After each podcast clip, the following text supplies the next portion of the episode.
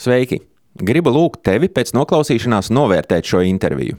Ja tu dzirdi aplamības vai nepiekrīti runātajam, raksti savu komentāru. Es apsolu, ka to izlasīšu un tev atbildēšu. Bet, ja dzirdētais šķita interesants vai noderīgs, un ierakstu var ieteikt citiem, nospied laiku, patīk, share vai dalies, tā tu palīdzi man turpināt podkāstu. Jau iepriekš liels paldies, un tagad tavam vērtējumam podkāsts kancelē.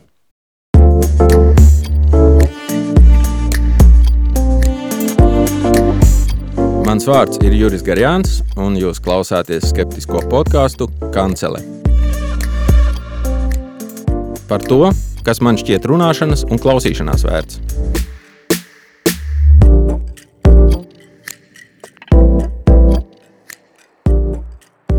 Mana paudze šobrīd piedzīvo jau otro pasaules kārtības nomaiņu. Mēs sākām dzīvot utopiskās idejas vārdā uzbūvētā kopmītnē.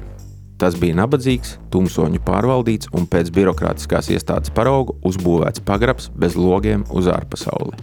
Loga funkciju toreiz pildīja grāmatu plaukts. 70. un 80. gados, bēgot no Brežņeva laiku absurdās realitātes, mūsu grāmatu plaukti piebrieda nedabiskās dimensijās. Dzīvokļu sienas aizņēma sekcijas ar metriem grāmatu. Daudzsimts grāmatu mājas biblioteka bija teju katra latviešu padomju strādnieka un kalpotāja standarts. Tad pasaules kārtība nomainījās pirmo reizi. No savas padomju pagātnes mēs mantojām piecus latus krājkasē un grāmatu kalnus. 20 brīvības gadus, virinot visus mums beidzot atvērtos logus un skraidot iekšā ārā pa neaizslēgtajām durvīm, bijām laimīgi piemirsuši par grāmatu kapsētām savu vecāku dzīvokļos. Pēdējos desmit gadus esam vēl vienā pasaules kārtības nomaiņas procesā mākslīgā intelekta pusdebīlais tētis, interneta atslēgas vārdu meklētāja algoritms piedāvā mums netērēt savu dārgo laiku garu tekstu salīdzināšanai vai izvērtēšanai un doties uzreiz pa taisno pie pareizās rindkopas.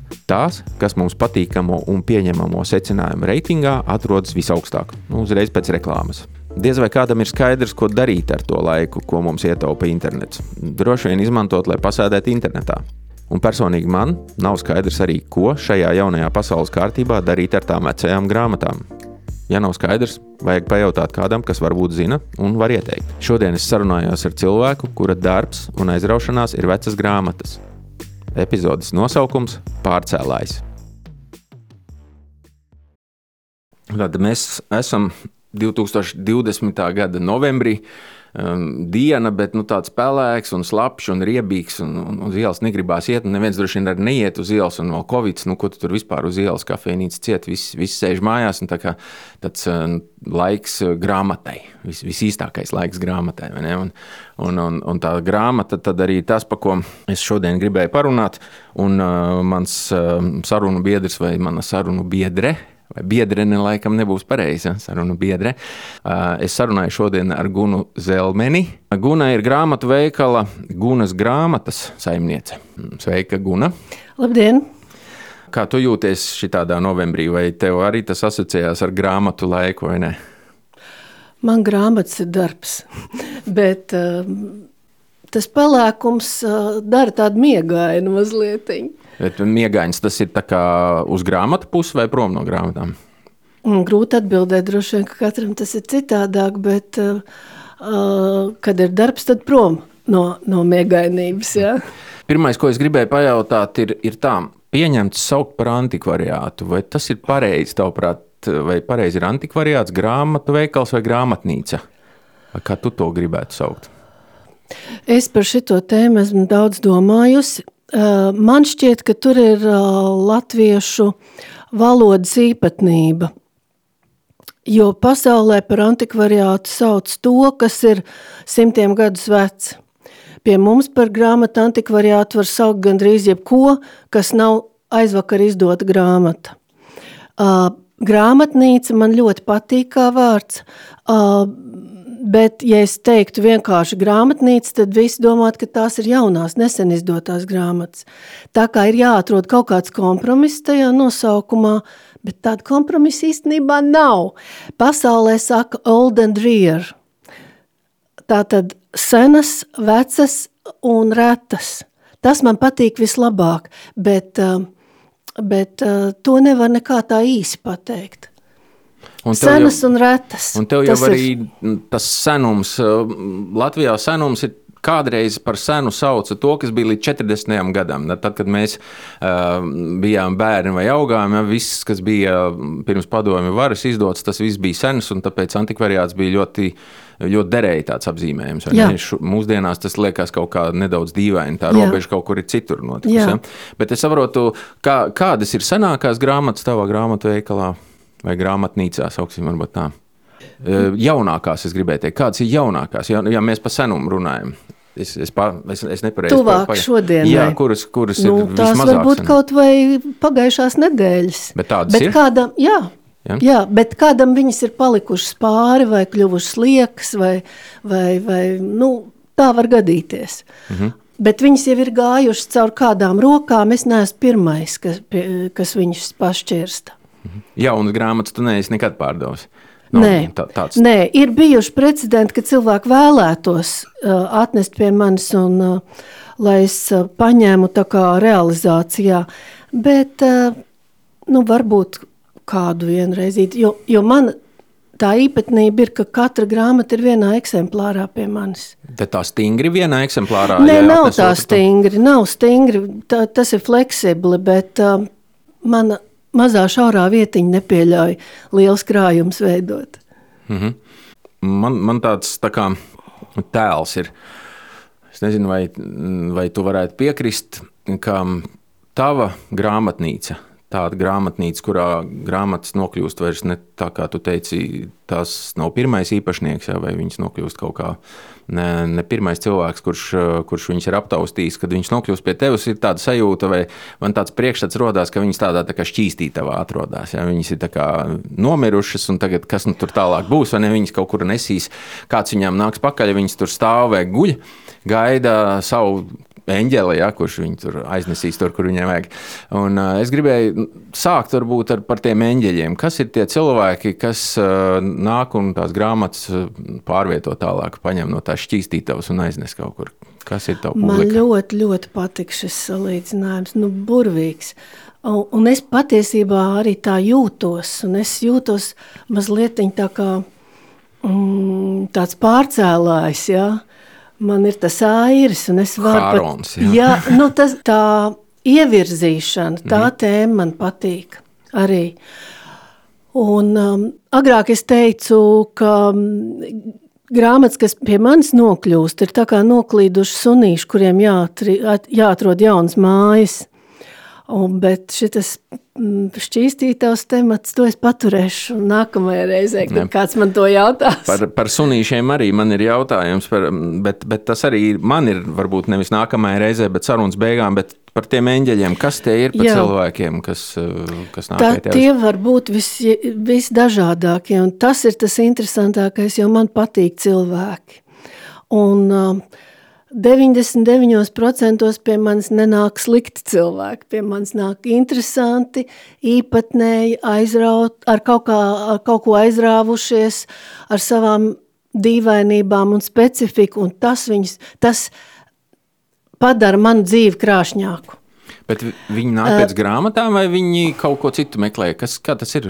Kā, cik, cik daudz ir tādu cilvēku, kur nāk tā vienkārši paskatīties un tā sajusties tādu, kā tu tikko aprakstīji? Tad cilvēki droši vien par sevi zina, ir. ka viņi ir tādi. Arī jā. tādi ir. Uh, vienkārši viņiem gribās izklaidēties grāmatu vidū. Viņi ierodas, viņi pašķirsta, viņi pameklē, viņi kaut ko atceras, būdami starp grāmatām. Nu, Katram sava sajūta. Un viņam ļauj tā staigāt un šķirstīt. Tas ir, protams, tas ir, okay? protams, man pat tas ļoti patīk, ka viņi tā dara.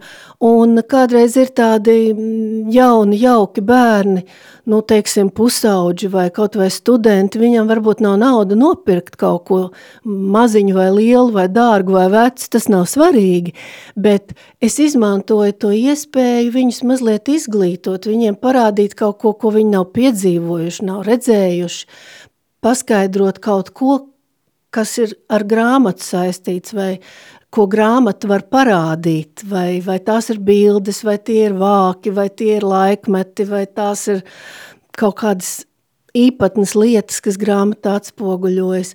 Nu, tur ir bezgalīgi e, daudz versiju, kā grāmatu var izmantot cilvēkam dodot papildu informāciju vai zināšanas. Bet eh, tā publika tomēr, ja mēs viņu mēģinām kaut kādā veidā iezīmēt, eh, eh, tomēr lielākā daļa droši vien zina, ko viņi meklē. Viņi nāk kaut ko pietiekami konkrēti meklēt. Jā. jā, citiem ir vienkārši sarakstīns, man vajag šito un šito un šito. Vai viņam ir ideja, ka es kādreiz redzēju, kaut kur bija, un tagad varbūt pie jums ir. Nu, tādi tie meklētāji, bet man patīk tādi, kuri saka, man ir tāda tēma, man vajadzētu to atrisināt, man ir tāds uzdevums, kaut ko piemeklējam pie šī, un tad es jūtos tā kā līdzdarbīga tā cilvēka, realizējamajos plānos. Bet vai es pareizi saklausu, ka tas tad, eh, tad tā lielā daļa ir tā kā, nu, sauksim par studentiem, cilvēki, kuri ir tā kā mācību materiāli viņi pērk, vai tas nevienmēr tā? Nevienmēr. Es viņus kopumā dēvēju par pētniekiem, un tie pētnieki var būt sākot no pamatskolas bērna līdz sirmai galvai, jo ja viņš ir izdomājis kaut ko, ko viņš grib uzzināt, viņam kaut kāds, teiksim, konteksts ir, vai uzdevums skolā, vai dzimtas vēstures izpētīšana, vai novads kaut kāds, ko viņš apskata, vai, nezinu, noskaidrot kaut kādu lietu. Un, un, un viņš meklē to ar grāmatas palīdzību. Vai, piemēram, aktieris atnāk un saka, man vajag par iniciāciju. Man jāspēlē loma, kurā iniciācija dominē. Es tagad piemēru minu, ja?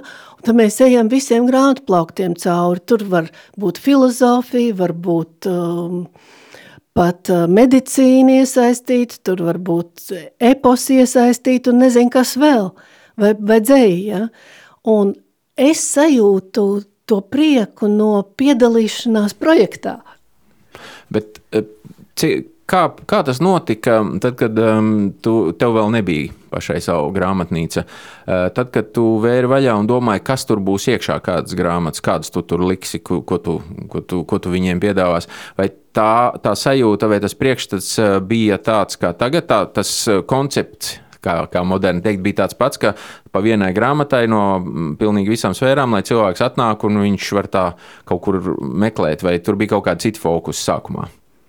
Šādu jautājumu es neesmu pārdomājusi, bet eh, es domāju, ka viss ir iznācis tā, kā tas mans uzstādījums ir realizējies pareizi un ir noticis tas, kam vajadzēja būt.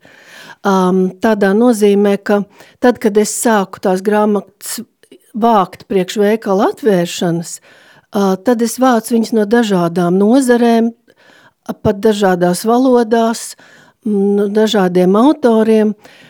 Vienkārši es mēģināju to grāmatas unikalitāti sataustīt.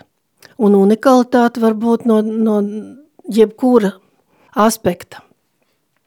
Un tagad, kad viņas ir plauktā un veikals ir atvērts, es redzu, ka tieši tas unikālais arī strādā. Un tā piekomplektēšana un grāmatas iepirkšana tā arī notiek, taustot to neparasto, kas tajā grāmatā ir domājot par to klientu, par to pircēju, par to interesantu, kuram viņi var noderēt. Es nedomāju par sevi, es domāju par tiem cilvēkiem, kam tas var noderēt. Lai tu varētu pa īstam noderēt, es iztēlojos, ka tad būtu, tev būtu jāzina praktiski par katru grāmatu, kas tur ir iekšā. Nu, vai tu viņus taču neesi izlasījusi pat? Nu, ne? nekad, taču, ne, protams, nu, nē. Um, ka, kā tu vari viņiem palīdzēt, viņš nāk un taustās? No katra grāmata, kas pie manis nokļūst, es izšķirstu. Tādā nozīmē, ka es paskatos, kas ir autors, kas ir saturs, saturrādītāji, bildītes, vāciņus, kaut kādu kultūras kontekstu. Bieži vien dzīves pieredze man jau to dod, man nav pap papildus nekādu pētījumu jāveic. Pētījumus veids pēc tam, kad grāmata jau ir pie manis un uh, ir manā rīcībā. Bet tajā pirmajā mirklī es vienkārši tādu ātru riteni savā galvā izmaļu, nu, pavēroju, ka, kam tas varētu būt mērķēts. Bet tev nav tāda sajūta, ka, vai, vai ir tāda sajūta, vai tā mēdz būt, ka tu izstaigā ar kādu cilvēku, ar to aktieru, par to iniciāciju. Viņš aiziet, un pēc divām dienām tu saproti, ka tu viņam neparādīji sešas grāmatas, kuras, kuras bija tieši tā kā, tā kā par šo tēmu, bet tajā brīdī tu viņus neiedomājies. Respektīvi, tas, kas tev ir galvā, to, to atceries, un, un, un tu nemeklē Jā. nekādos katalogos to kopā ar to cilvēku. Jūs tā kā tādā dzīvējā, kaut kā tādā sarunā. Mēs kādā... dzīvā sarunā to meklējam, jo es pazīstu savas grāmatas. Nu, es katru dienu viņas pacelāju, viņas pastumdu, es viņas kustinu, meklējot vienu, es blakus redzu otru, un, un man visu laiku galvā strādā tā tēma, te stāv tas un tas. Tu atceries, kā viņas izskatās, tās grāmatas, tu vizuāli tur Man tas, ir arī vizuāla atmiņa, jā, bet, nu, jo vairāk grāmatu, jo problemātiskāk to visu paturēt galvā, bet uh, man nav nekāda datubāze tāda, kuras Excel tabulā uzliekot jautājumu kaut kādu varētu tur izmeklēt. Nē. Bet vispār katalogs tev ir? Tu zini, cik tev ir grāmatas? uh, labāk neprasa šo te, bet, uh, bet nu, tādā grāmatvedības līmenī kaut kas ir, jā. jā. Bet tas bet, nav tas bet, pats, kas bet būtu. Runa par pa vairākiem tūkstošiem, ne desmitiem tūkstošu, bet, des, bet tūkstošiem grāmatu, vai ne? Taču, nu, nu, noteikti, noteikti tāda, jo patiesībā cilvēki nesaprot, cik, cik daudz ir simts grāmatas. Tas ir ļoti maz. Parēķiniet, to var viegli izdarīt viens metrs grāmatu, cik tas ir saskaita pats savā plauktā un sareizina. 2 centimetri 50 grāmatas, apmēram viens metrs tāds plāniņš, ja? Vai nu, tu savādāk rēķini? nu, vienreiz es skaitīju, un tad man iznāca tāds uh, standarta plaukts mājās pie sienas, nu, pēc principa kaut kā cikajā, ja, tad tur varētu salikt uh, ap 800 grāmatām. Kas notiek ar tiem cilvēkiem, kuri negrib, lai tu piedalies? Tu, tu es viņiem jūt, ja? ļauju pilnīgi klusā vientulībā pašiem darboties. Bet um, es esmu pieredzējis to, ka tomēr um, mazliet pajautājot vai pakomentējot, ko viņš meklē, uh, tad ir vieglāk viņam iedot precīzāk. To risinājums ir ātrāks un precīzāks. Nu, atkal, varbūt, nezinu, tu, tu neesi mēģinājis kaut kā tā skaitīt, bet tomēr lielākā daļa cilvēku, kas ienāk, nu, tu droši vien zini to publiku, kas atnāk kā, parunāties un padzīvoties. Bet tie, kas tomēr ver durvis un tu saproti, ka viņš ir, zina, ka te ir veikals un viņam kaut, kaut, kaut kāda vajadzība, tā kā lielākā daļa aiziet kaut ko nopirkuši. Vai tomēr nē? Es teiktu, ka jā. Tomēr, jā. jā. Tad jo viņi jau atrod, nāk jā? mērtiecīgi. Tomēr mm. viņam ir uh, vēlēšanās. Um, to grāmatu kaut kā, nu, kaut ko no grāmatas dabūt. Nav tā, ka viņam vienkārši nē, ar tevi atteikt, to ar viņu tur staigāja tik ilgi, viņi tā, nu, vienu to mazāko, to, kas ir bija vislētākā. To, Varbūt, ka kādreiz tā ir, bet es cenšos būt delikāta. Aha, tā kā nepamanīja to, ka, ka tieši vislētāko viņš nopirka. Nē, um, te es totāli gribu iebilst, ka cilvēki nepērk grāmatas cenas dēļ. Viņi pērk savas vajadzības, savas intereses vai savu mērķu dēļ, satura dēļ vai kaut kādu citu iemeslu nu. Es par sevi varu pateikt, ka tas, kāpēc es pērku grāmatu, ir tieši tas, ko tu saki, bet tas, kāpēc es nepērku grāmatu, ir cenas dēļ. Nu, te ir tas gudrais kompromiss jāatrod. Un tas kompromiss ir manējais. Vai nu es to cilvēku māku pārliecināt, ka nav varianti, ka šis ir labākais variants, bet nu, taktiskums sajūta jāsaglabā. bet, ja tev kaut kas maksās vienu eiro, bet tas bija būs pilnīgi neiedzīgs tavai vajadzībai, un tev mājās viņš tikai krās putekļus, tu taču neņēmis viņu pat par to, jo par to naudu tu vari kaut vai šokolādīt meitenei uzdāvināt, ja? Citu, kam, kam būs lielāka jēga? Iespējams, jā, šokolādīt meitenei. Tas ir labi. Mm, tev vispār ir tāds grāmatas par vienu eiro tavā grāmatnīcā? Jā. Ir tādas tomēr. Man radās uh, iespējas, ka tur ir nu, tā, kādreiz te uz Tērbatas ielas bija tāds uh, antikvariāts, un tur bija tā jocīgi visādās kaudēs, visādās čupās, un tur tā tu slīd tā acis pāri, un, un tev šķiet, nu tas ir skaidrs, un tas ir vienkārši kaudzē te nolikts. Ja?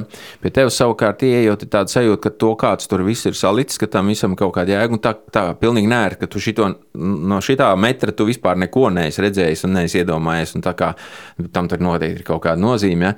un, un, uh, un, un tā, tāda drusku um, nešķiet, ka varētu būt cilvēkiem ka, ka viņam varbūt uh, bieži vien pietrūks drosmes uh, pašam pajautāt vai painteresēties tālāk, un ka tas varbūt tieši, tieši tagad ir cilvēkiem raksturīgs. Viņš zina, ko viņš grib, ja viņš tieši to nevar atrast. Tā viņš nemeklē kaut kādas uh, ne, nezinu, paralēli vai analogas vai, vai kaut ko citu. Viņ, viņ, viņš sabīstās, ka nav un aiziet. Vai, vai ir tā, ka cilvēki kļūst ar vienu nu, precīzāki, skaidrāk apzinās savas vajadzības, bet tā ļoti ierobežo sevi. Tāds. Ir cilvēki, kuriem ir tāda bijāšana pret grāmatu un vispār pret uh, atrašanos uh, veikalā, kurā viņš ir vienīgais pircējs, piemēram, tajā mhm. mirklī. Uh, Man tas ļoti patīk, ja mēs esam divi ar mani pircēju. Tad es ar viņu varu strādāt individuāli. Ja ir trīs, četri cilvēki vienlaicīgi, tad es zaudēju to kontaktu un to uzmanību, un es nevaru pievērsties viņam tik detalizēti. Bet atgriežoties pie tā, ka viņi varbūt nokautrējas, man patīk, ka viņi krāmējas pa plauktiem. Man patīk, ka viņi pārcilā un meklē. Uh, un es to mēģinu arī rosināt. Tāpēc dažreiz tie plaukti izskatās tādi nekārtīgi un, un izgrūstīti, un es nevaru paspēt visu atlikt atpakaļ. Bet galvenais ir, lai cilvēks vispār to atrod un ieraug to, ko viņam vajag. Es cenšos bieži vien uh, cilvēks no tā apļa, ko viņš ir iedomājies, izsist ārā. Konkrēts piemērs ir ar jauniem cilvēkiem, kas meklē dzēju, jo viņi gatavojas kļūt par dzējniekiem. Un tad viņi grib palasīt kaut ko, kas pirms viņiem ir radīts. Un viņi visi nāk ar vieniem un tiem pašiem jautājumiem. Man lūdzu šito, man lūdzu to, es gribu palasīt to, Es saku, bet vai tu zini, ka bija arī tāds, un ka bija arī tāds, un tas ļoti veiksmīgi eh, tādas un tādas tēmas ir apskatījis? Nē, viņi par to nav dzirdējuši. Un tad, kad tu esi viņu izsitis ārpus, ārpus tā viņu draugu ieteiktā uh, loka, nu, teiksim, par dzēju runājot, ja? kaut kāda kamoliņa, kas viņam ir pamests, ko viņa skolotāji vai draugi ir pateikuši, tad viņš ir diezgan priecīgs. Viņš nāk otro un trešo reizi un saka, jā, tas bija labi, ko jūs man iedevāt. Tagad es zinu, kas ir Juris Kunnos. Man prātā nebija, ka tāds vispār latviešiem ir bijis. Ja? Un tādā stilā tās paaudzes dzīvo ļoti cieši savā tajā ieteikumu sfērā. Un viņi neskatās, kas bija paudze iepriekš, kaut arī tur ir bijis tikpat labs kaut kas. Nu, ir jāmēģina viņus pārslēgt pa laikmetiem. Kaut kāda nu, ātruma maiņa vai, vai es nezinu, kaut kādas no citos robiņos jāieliek. Un es uzņemos tādu atbildību. Un es esmu tieši tik nejauka, tik ambicioza, ka es mēģinu uzspiest savu viedokli dažreiz, nu, maigā formā, ja? Bet Tantis tā drīkst atļauties.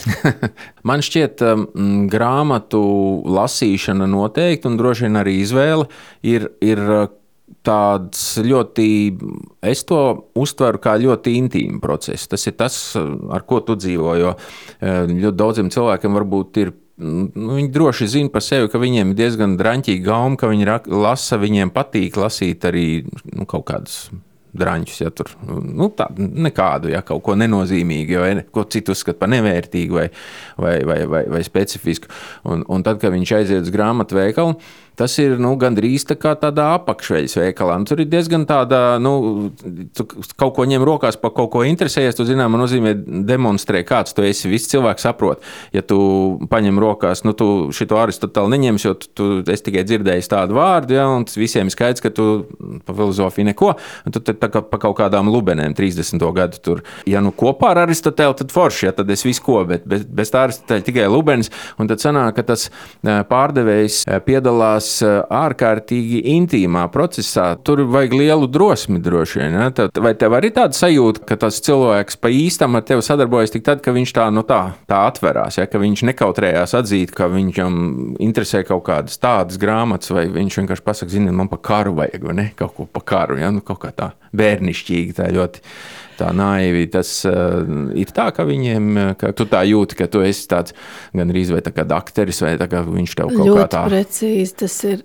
Es, savu slimību. Es, jā, es uh, šo tēmu dzīv, izdzīvoju katru dienu un vairākas reizes dienā. Uh, es ļoti ceru, ka man izdodas tolerēt ar tiem cilvēkiem, minēt, uh, netraumējot viņus, iespaidot, vai arī, ja es jūtu, ka kaut kas jau nu, kļūst par, par sāpīgu, tad es mēģinu to pārvērst par joku vai par humoru vai kaut kā, vai aizvirzos prom un palieku klusa. Ja. Šīs spēles ir jāspēlē visu laiku, bet ir jauki, ja cilvēks ļaujās uh, improvizācijai.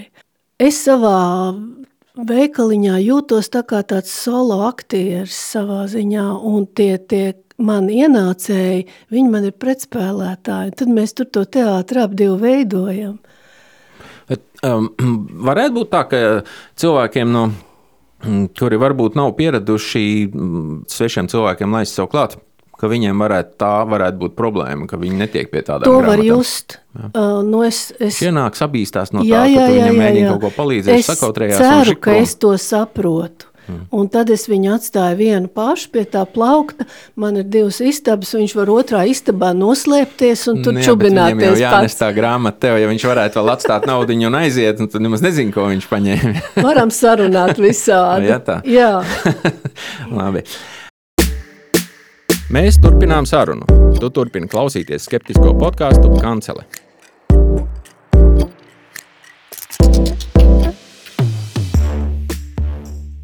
Es uh, gatavojoties uh, mūsu sarunai, paklausījos dažas intervijas ar tevi. Tur, tur bija um, stāsti, tu stāstīji par sevi, kā tu esi nokļuvusi līdz šim režisoram, savas grāmat, grāmatnīcas aktierim un režisoram. Uh, skaidrs, ka tavi draugi, kur klausās šo podkāstu, viņi to visu jau ir daudzreiz dzirdējuši, bet nu, to podkāstu klausīsies arī mani draugi, un varbūt to pilnīgi kāds svešs cilvēks. Varbūt var divos vārdos izstāstīt, kā tu nokļuvi līdz uh, šim nu, tā, biznesam vai šai nodarbei. Būtībā jāsāk ar bērnību savā ziņā, jo uh, kad es bērnībā biju viena pati mājās jau ļoti agrīnos laikos, uh, pat pirmsskolas vecumā, tad laiku kavējot, es vienkārši vilku ārā grāmatas no mammas plaukta, no augšējā plaukta sākot burtiski katru grāmatu un izšķirstīju katru lapu. Un līdz lejai. Pirms lasīšanas vēl tādā bērnībā? Es pieļauju, ka arī tad. Un tad līdz pirmam apakšējam plauktam, un atkal no augšas sākot, un tā vairākas reizes, teiksim, es izgāju šādi cauri grāmatas bija mans normāls uh, izklaides objekts bērnībā. Droši vien kaut kāds iespējas ir arī tam, ar ko mana ģimene draudzējās, man, nu, ar ko es pusauģu vai, vai bērnības gados sastapos ar kādiem cilvēkiem. Otrs, uh, ka es arī ieprecējos ģimenē, kurā bija daudz grāmatas, kur tā bija normāla ikdiena un uh, Un tas bija mūžīgs sarunu temats, un uh, mūsu draugi bija tādi, kas saistīti ar kultūras sfēru. Un es augstskolā studēju to. Es mācījos grāmatniecību Latvijas valsts universitātē. Um, Bet tā, tā bija izvēle tāda, nu, kaut kur jāmācās, nu, filo, filologi garlaicīgi, visi filologi, un, un tu kaut kā bišķi savādāk, vai kaut kā Nu, nav vērts te stāstīt visu man garo stāstu. Jā, tas nebija ja? tā baigi apzināti. Man ir vairākas izglītības, Aha. bet detaļas, Aha, labi, detaļas labi, labi, nav stāstam. vērts. Ja? Jā. bet principā um, tajā brīdī augstskolā uh, bibliotekārs varēja izmācīties ātrāk nekā citas fakultātes. Mm. Un man jau bija bērni, un kas tur vēl kaut kas jau man dzīvē bija paspējis notikt. Uh, man tajā brīdī galvā bija pirmkārt uh, teātris un cits, citi mērķi dzīvē. Un tad man gribējās izmācīties augstskolā, lai, lai miers, jo es taču pietiekami gudra esmu, lai nebūtu tā, ka es palieku bez augstskolas. Un, um, un tad es tur iestājos. Es tā ātri fiks, fiks pabeidzu. Iemācīja kaut ko tādu, kas, kas reāli arī noder, piemēram, nu, šādā te darbā. Es nezinu, ko tur māca bibliotekārs pēc būtības tur mācīja, ja? vai? Tur, tur māca visu. Tagad noteikti ir citādāk, Aha. bet tajā brīdī tur mā, es mācījos arī uh, to daļu, kas ir filoloģija un um, literatūras vēsture un gan latviešu literatūras, gan ārvalstu literatūras vēstures mācījos, grāmatniecības vēstures mācījos. Bet, bet, uh, bet tas, tas ir būtiski, ka tas tev nu, pietuvināja šim visam. Ja, tādā, tas tas vai... palīdz varbūt, bet, bet tas nav izšķirošais tajā, ko es tagad daru. Katrā ziņā tad tu nezināji, ka, ka varētu būt tā, ka, pēk, ka tev pēkšņi būs savs. Vispār Nē. tajā laikā tas ir kuri gadi? Tur, tur es runāju var... tagad par 80. gadu skaidrs, sākumu. Nu, tur ne, cilvēks vienkārši nevarēja iztēloties, ka mm. viņam varētu būt savu grāmatnīcu. Tas ir skaidrs, labi. To, to tu nevarēji iedomāties nekādā Bet veidā. Kopumā jā. ņemot, uh, visa mana dzīves pieredze ar, ar manām vairākām izglītībām, ar maniem uh, dažādiem darbiem, daž, darbu profiliem, ko es esmu mainījusi. Uh, tas viss ir palīdzējis iegūt to priekšstatu, to izglītību vai to informāciju, kas man tagad palīdz. Nu, piemēram, es strādāju dabas muzejā, man bija draugi zinātnieki, es nojaušu, kas ir uh, dabas zinātnes, uh, es kādreiz uh, skolas laikā biju jauno biologu pulciņā. Man patika bioloģija, tāpēc es zinu, kas ir tajās dabas zinātņu grāmatās. Tātad visa tavas dzīves pieredze veido to, ar ko tu vari strādāt, esot uh, antikvariātā. Nu, tas ir tas, kas bija modē un kas bija svarīgi 70, 80 gadu bērniem eh, būt pietiekami erudītam un zināt visu. Un, ja tu klasē ar saviem klases biedriem varēji par visu kopā runāt, ja tas bija skaitījās, tas, tas skaitījās pareizi un labi. Ja? Un tad šajā gadījumā tas pats, ja, ja tu ja tu tik daudz visu, ko zini, tad tu zini, kas tajās grāmatās ir. Nu, Tev nav bail vispār jā. no grāmatām. Tas, tu apmēram mamma, saproti, par jā. ko tās, par ko šitās. Ja, un tas, ka mamma mani vadīja pa mākslas muzejiem visādiem, visādām izstāžu zālēm bērnībā un uz koncertiem stiepu, kur man bija bail no lielām bungām, ja, tas tagad palīdz, jo es vienkārši kaut ko no tā visu saprotu. Mm -hmm.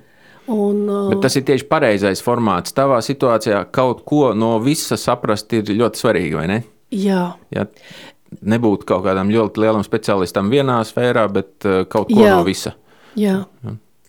Uh, es teiktu, kultūras vēsture kopumā ir tā, nevis literatūras vēsture, bet kultūras vēsture ir tā, kas palīdz strādāt. Un um, ne tikai Latvijas kultūras vēsture, bet pasaules. Jo grāmata ir tāds unikāls objekts, kurā viss saplūst kopā. Tev par grāmatu es arī vienā no intervijām, kuras es noklausījos, es dzirdēju, ka es sapratu tā, ka tu uzskati grāmatu par, nu, kā zinu, nu, varbūt, ja ne civilizācijas, tad uh, kultūras augstāko formu. Un viss, ja? nu, tas ārprātīgi skaļi teikts, nu, jā, tā, bet uz to, uz to tas ir, jā, jo tehnoloģija, tātad iespiedu mašīnas, vispār cilvēka spēja attīstīt um, rūpniec, rūpniecības attīstība atspoguļojas grāmatas iespiešanā, rakstība, um, dizains, uh, tehnoloģijas kā grāmatas ievāko, papīra izstrāde, tā ir egzaktā sfēra un arī humanitārā sfēra jāņem klāt. Nu, tur, tur viss sanāk. Mēs varam teikt, ka alu, uh, uzrakstu uz alu sienām arī ir zināmā mērā grāmatas. Un, uh, kad es studēju grāmatniecības vēsturi, tad mums viss sākās ar uh, mēzgulu rakstiem. Profesors Apins mums stāstīja, kā senais cilvēks ir sējis mezgliņus aukliņās, lai izstāstītu par kalendāru vai par kariem vai par uh, nelaimēm vai kaut ko tādu vai bērnu dzimšanu skaidrs grāmatā, kā svarīgs objekts vai kā kultūras kaut kāda zīme un viss pārējais. Līdz tam mēs esam tikuši. Kā nokļūst tā pārējā pie, uz grāmatnīcu? Kas tas ir? Nu, tad, kad es biju izmalusies cauri padomu laikiem, pēc tam um, jaunajos laikos strādājusi mārketingā, dizainā un, un, un, un vēl šur tur, tad man pietika tā skrējiena. Man vairs negribējās pierādīt, ka es to visu varu, ka es to visu varu izdarīt ātri, ka man tas viss baigi labi padodas. Man vairs negribējās nekādus pierādījumus dot citiem.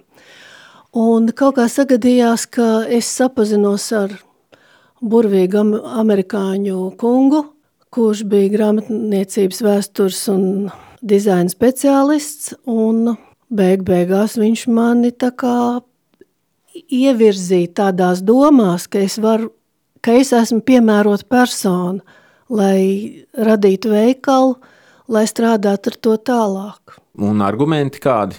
Nu, es saprotu, ka piecas gadus. You are service oriented person, jā, viņš teica. Jā, un atkārtoja bieži. Ja? Jā, un, un ka man ir viss tās priekšzināšanas, kas vajadzīgas, lai strādātu ar uh, dažādām grāmatām cik liela e, nozīme tajā lēmumā vai tajā, ka tu to mm, sāki darīt e, un, un dari vēl joprojām, ir, e, vai, vai, vai tas ir bizness, vai tu, vai tu ar to nopelni tādā ziņā, ka tas vismaz atmaksājās, tas ir vienīgais mans naudas avots, un es varu teikt tā, ja man būtu jāaudzina maz bērni, Vai, ja man vajadzētu smalku mašīnu ik pa brīdim, vai es taisītos braukt luksīgās ekskursijās, tad es nevarētu strādāt šo darbu. Tas vispār nav iespējams Latvijā, vai, vai tu vienkārši nebūtu tas cilvēks, kas to respektīvi, vai cilvēks, kuram būtu arī šādi mērķi. Bet ar tavām zināšanām un, un ambīcijām viņš varētu uztaisīt to biznesu tā, ka viņš var atļauties tiešām kaut kur braukt un pirkt mašīnas. Tas var būt Latvijā biznesa. Man drīzāk gribētos eh, teikt, ka nē, jo mūsu tirgus ir pārāk mazs. Un pieprasījums pēc šāda veida um, grāmat, nu, pret, pret otrreizējo grāmatu aprites ir mazs. Cilvēki labāk tad izpirks jaunās grāmatas, nevis uh, atgriezīsies pie iepriekš lasītām. Ja, kāpēc šito es gribēju saprast? Kāpēc tu domā, ka cilvēki labāk pirktu jaunu grāmatu, nevis antikvariātu? Kur ir tā atšķirība? Pirmkārt, viņi nezina, ko antikvariātā meklēt. À, tādā ziņā. Realistiski nezina. Mm. Otrakārt, um, daudziem ir kaut kāda stigma pret vecām lietām. Treškārt, viņiem liekas pat līdz muļķībai, ka viss, kas ir padomi, tas ir slikts. Tur noteikti ir ideoloģija iekšā, tur ir cenzēts un nezinu kas, un līdz ar to to nedrīkst lietot. Un vēl ir arī tāda publika, kas vienkārši grib visu jaunu, visu svaigu, viņam ir smalka, teiksim, smalka apartamenti, un tur kaut kādas vecas grāmas iekšā nevar vilkt.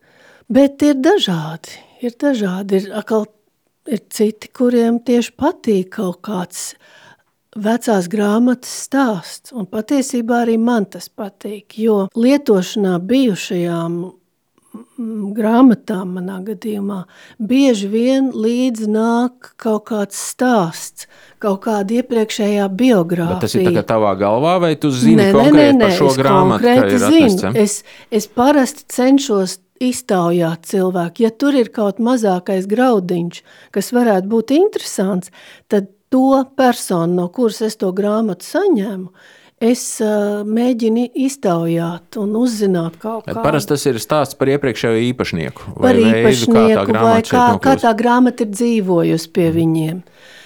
Vai arī tas stāsts veidojas no grāmatas satura, no, no, no tās kultūra vēstures, ko mēs iepriekš sarunā pieminējām.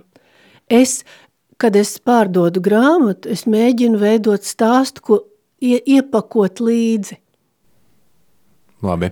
Varbūt, ka tas ir viens no manu veikala mārketingiem. Tas ir ļoti laikietilpīgs un darbietilpīgs uh, nu, mārketings, ja tā var nosaukt. Man tas patīk. Tu esi tas uh, laimīgais cilvēks, uh, kurš, ir, um, kurš, kurš var par sevi teikt, ka viņš dara to darbu, kas viņam patīk. Jā. Un šito darbu tu darīsi, kamēr vien tu darbu darīsi, visticamāk. Cita, cita darba tev nekāda nebūs vairs. Es domāju, ka nav vērts vairs kaut ko jaunu iesākt. Var attīstīt šo pašu mazliet, šurp, turp kaut kā, bet nē, nē, nē, negribu vairs nodarboties ar darbu. Mēs turpinām sarunu. Tu turpini klausīties skeptisko podkāstu Kancele.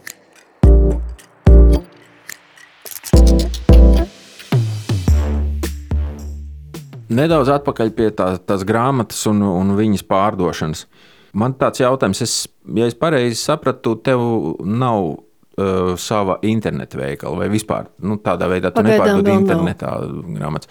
Vai tu vari pakomentēt, uh, kāpēc nav pagaidām un varbūt šo situāciju vispār ar, ar grāmatu pārdošanu internetā un, un pie tevis?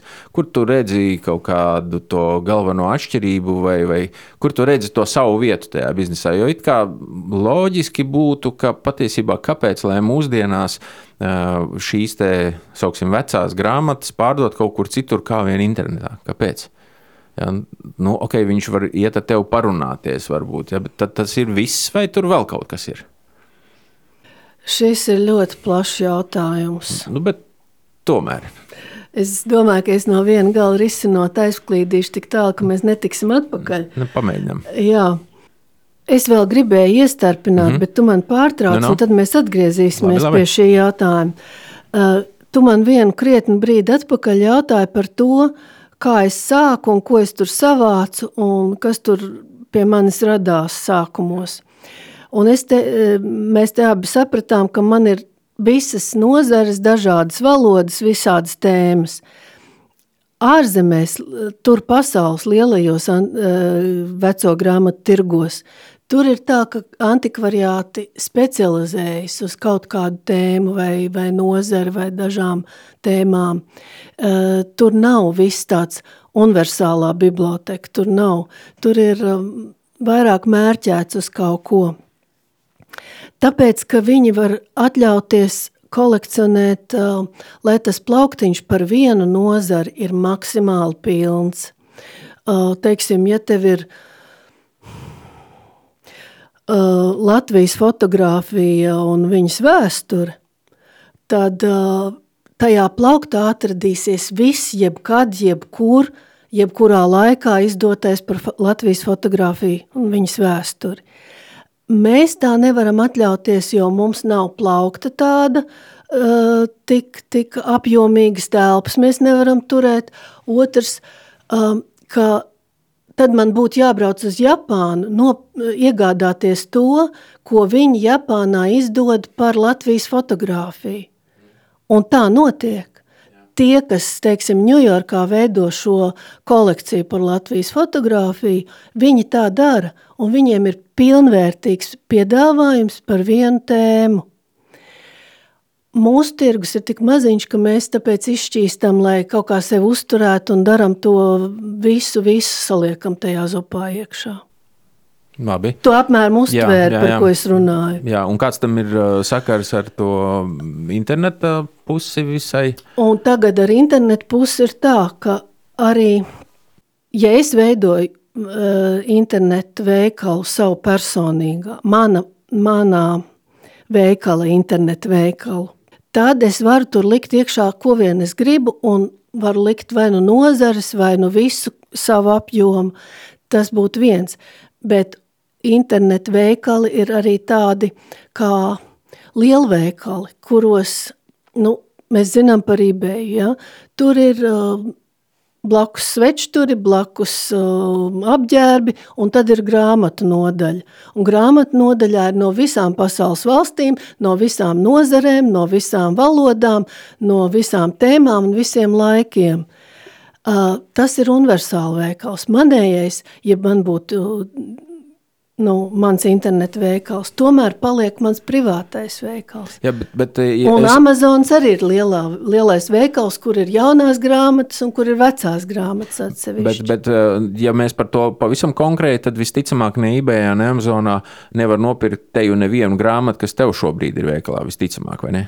Vai var gan, reto, var. var gan, noteikti, nu, kādai, var. Bet, bet nu, nezinu, uh, tas ir atkarīgs no mūsu publikas, jo ir uh, tādi tirgotāji, kas uz turieni nosūta. Tāpat kā dažādi rokdarbnieki savus jaciņus tur sūta vai, vai um, nezinu, bērnu rotaļlietas pārdod ibējā. Ja? Tāpat arī tur var sūtīt Latvijas grāmatas. Un tas notiek. Labi. Un tas nav ne nosodāms, ne slikts, ne, ne, ne tā. Vienkārši tā ir. Bet uh, man, man šķiet, uh, man grūti iztēloties, ka, uh, ka eBay vai Amazonā uh, es, protams, iedomājos, ka kolekcionāri, kur meklē kaut ko ļoti, ļoti specifisku, jā, iespējams, ka tieši tur atrod to vienu latviešu valodā, to grāmatu.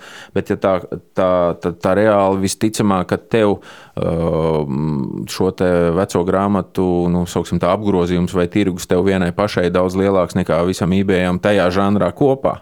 Visticamāk, visiem cilvēkiem, kas tur pa kādai grāmatai ielikuši ir.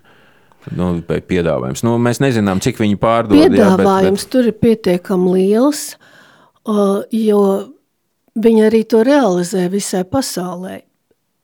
Nu, es nevarētu teikt, ka es realizēju tikai Latvijai, jo Tāpat pie manis atnāk, atbrauc, un mēs sarakstamies, un man ir pasūtījumi, dažādi varianti. Ir.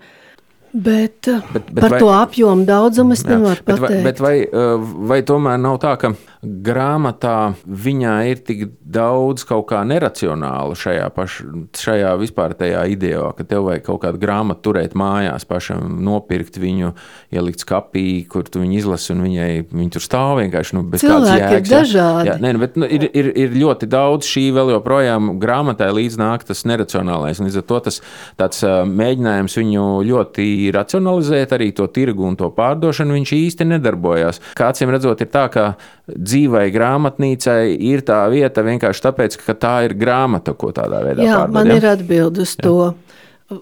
Es ceru, ka es atbildēšu uz, uz tavu jautājumu. Tādā internetā tu vari pārdot tikai to, kas tev ir, un uh, to, ko tev prasa. Nu, viņš grib, un man ir. Uh, savukārt, um, reālā fiziskā grāmatnīcā viņš atnāk ar vienu domu un aiziet ar trīs citām domām ir iespēja mainīt, vai papildināt, vai uh, sagatavot to cilvēku citam viedoklim, un citai, teiksim, tas piedāvājums uh, rada pieprasījumu. Manā gadījumā, uh, tajā ibejā, tur ir tā, viņš zina, ka viņam vajag konkrētu autoru, viņš uzliek uh, meklētājā un dabon šo konkrētu autoru. Bet ja viņš nezina, ko meklēt, tad viņš nevar viņu dabūt. Tu esi kādreiz paskatījusies, jo eBayā arī zem tās vienas grāmatas, ko, ko viņš atrod konkrēti, apakšā ir, nu, ko iesaka, ja? nu, tātad, jā. ko, ko, ko viņi tas pēc savu algoritmu izdomā, diezgan tas smieklīgi. Ir, ja? Tas ir ļoti smieklīgi, jā, nu, viņi... bet varbūt kādam der. Jā, nu tas droši vien ir pēc tā, kāda, kāda ir bijuši pirkšanas gadījumi. Savukārt, tu, kad, kad cilvēks atnāk pie tevis, tu to algoritmu, kā tu viņam iesaki tās nākamās, aiz tās vienas, par ko viņš ir dzirdējis, no jā, tur sarunas. ir pavisam savādāk. Ja? Tas ir tikai no sarunas. No ju mūsu ķīmijas savstarpējās. Jā, bet, bet tas, tas arī ir tas galvenais uh, šķērslis, kāpēc to netirgo internetā, ka tu negribi pazaudēt to, to iespēju, Nē, to algoritmu dzīvē izpildīt. Jā, man ja? dzīvēs patīk ļoti. Bet tas nav galvenais, lai izveidotu veikalu, ir jāiegulda laiks. Un pagaidām man ir pietrūcis brīva laika. Mm. Man ir, man ir radies iespējas, es esmu uh, dzīvē. Bet es nesaku, ka man nebūs. man personīgi ir bijis, es esmu nopircis internetā dažas jaunas grāmatas uh, eBay Amazonā. Es neatceros, kā visticamāk Amazonā un dažas uh, lietotas grāmatas Latvijā. Bet Latvijā tas ir bijis no tiem vietējiem. No Facebook. No platformiem. Ne, no platformām. Ah, saprot, e-book, MyBook un, un, un tam līdzīgi nosaukumi. Mm -hmm. Ar, ar punktu LV beigās. Tas, um, tā sajūta, ka tu vari kaut ko ļoti konkrētu nu, tā neapgrūtinot sevi ar, ar runāšanu par cilvēkiem, ja tu konkrēti zini tādu grāmatu, iegūlē atrod un ir.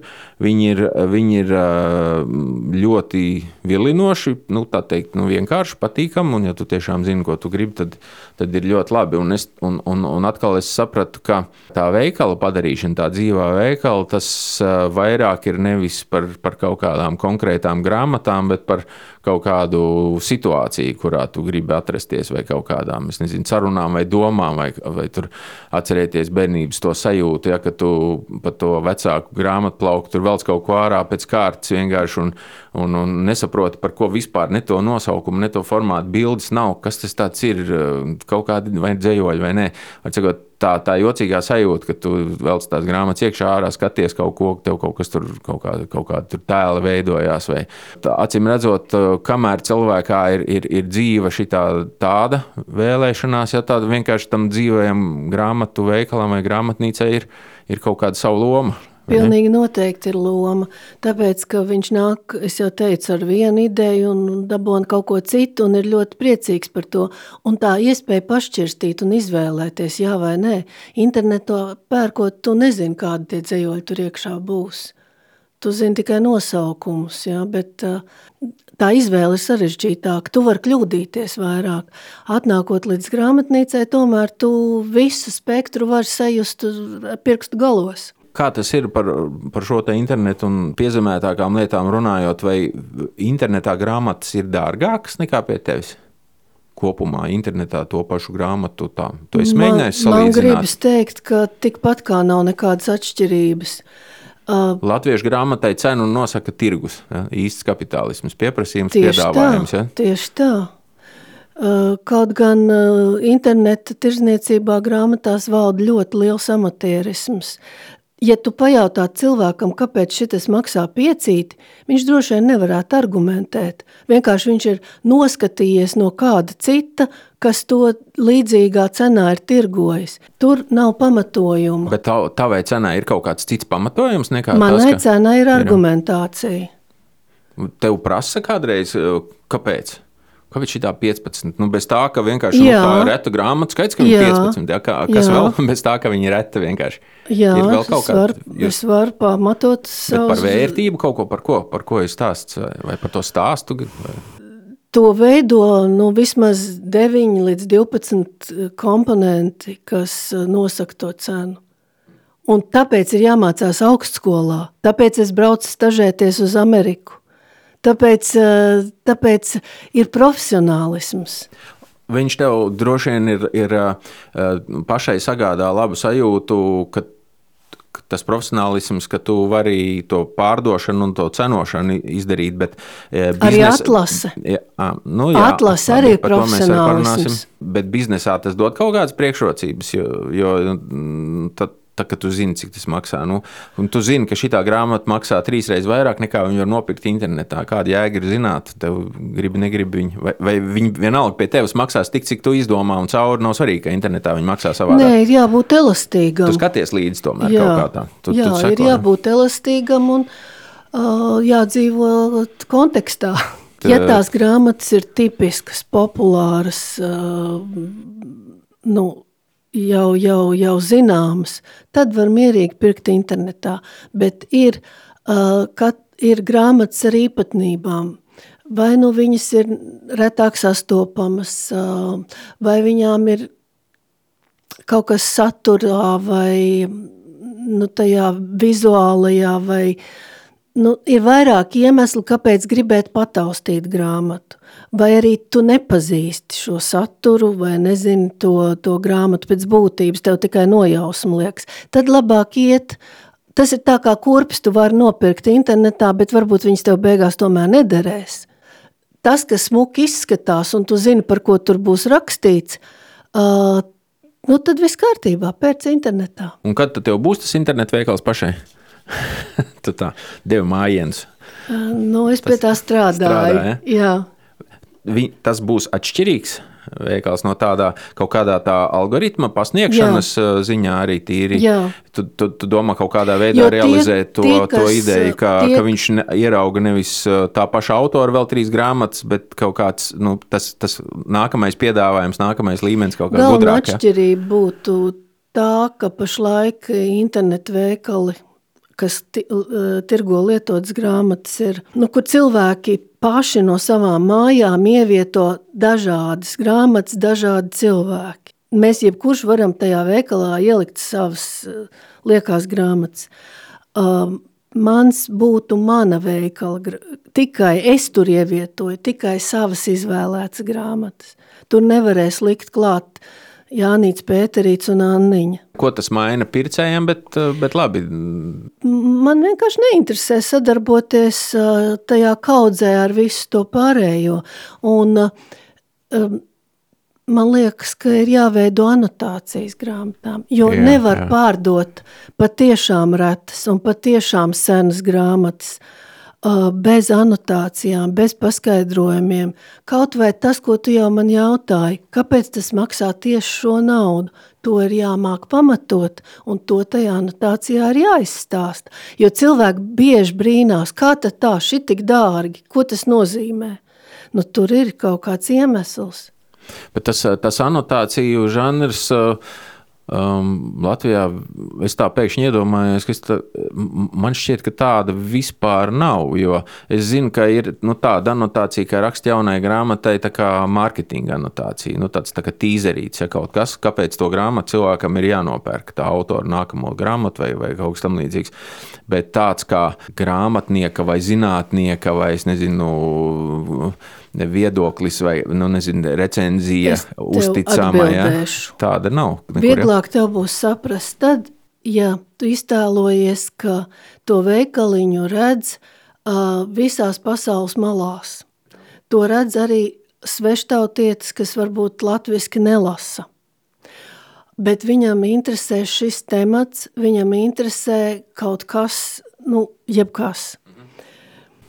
Vinnijas pūks visās pasaules valstu valodās. Aha, Ja? jā. Un viņš meklē vinniju pūku, un viņš ierauga latviešu grāmatu. Uh, tad viņam tajā anotācijā ir jāredz, ka tas ir latviešu valodā tulkotais pūks, kāpēc viņš ir tāds un ar ko viņš ir īpašāks. Un viņam jāspēj noticēt, ka te var nopirkt to pūku. Ir jāorientējas tā kā pasaules skatījumā. Mēs esam ļoti koncentrējušies paši uz sevi. Mēs visu laiku mēģinām viens otru apmīļot un apkalpot, ja? bet pasaule ir daudz lielāka nekā šeit. Tas, tas nav kaut kas tāds pavisam margināls. Ārzemju cilvēki, kur nelasa latviešu, pērk latviešu Nē. grāmatas. Viņi pērk. Pērk, ja? Daudz, Jā, tiešām. daudz. Hm. Interesanti. Jo tas varētu būt tas, drusku saistās ar nākamo uh, to tēmu. Ko, Tas ja? saistās ar mūsu kultūras, ka mēs nezinām pasaules kultūras vēsturi un pasaules uh, um, intereses. Mēs nezinām, kas pa, pasaules grāmatniecībā notiek.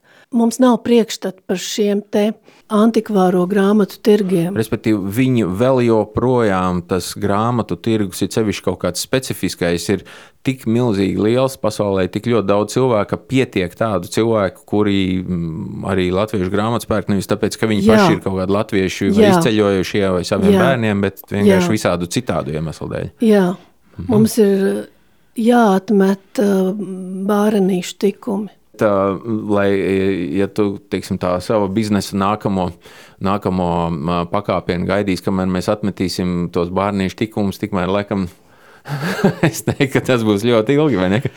Es uzjautrinos un priecājos Ā. par to. Mēs turpinām sarunu. Tu turpini klausīties skeptisko podkāstu Kancele.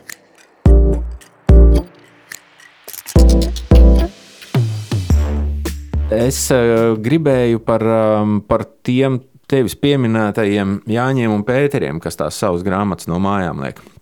Jo uh, tas fons, kādā es š, domāju par šo sarunu jau ilgu laiku, tas tēls, kas man ir, un tas mans stāsts ir tipiskais. Uh, 70. gadu bērns, mazpilsētas, šitā, viņi nesaucās radošā inteliģence, kā saucās tie, kas bija uh, padomju valstī.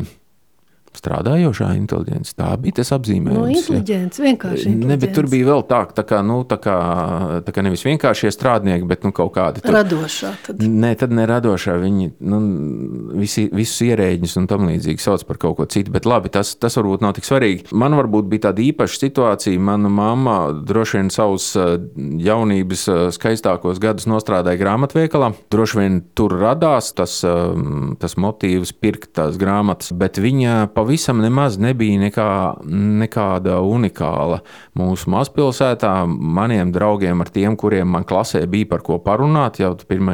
līdz 4. klasē visiem mājās bija grāmatplaukti pilni grāmatām.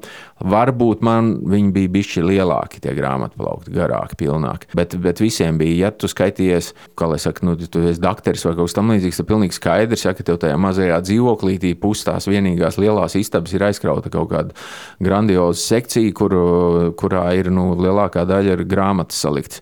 Tas bija tāds ieradums tajā laikā, tie cilvēki uzkrāja milzīgus grāmatu kalnus tā tālākā tā, tā, tā rīkošanās tām grāmatām jau 90. gados. Un, Un, un, un tagad, ja tuvāk jau mūsdienām, es atceros tos, nezinu, tās tīrīšanas, ja, kad mēs tā rūpīgi pieejam tiem visiem simtiem un, un tos simtus, kas ir kaut kādas tur, nu, pirkā visu apvārsni, visu vēstures sēriju, visu par ievērojamo cilvēku dzīvi, viss Džeks Londons, viss Blaumans, viss Upīts, viss, viss, viss, nu, strēģos.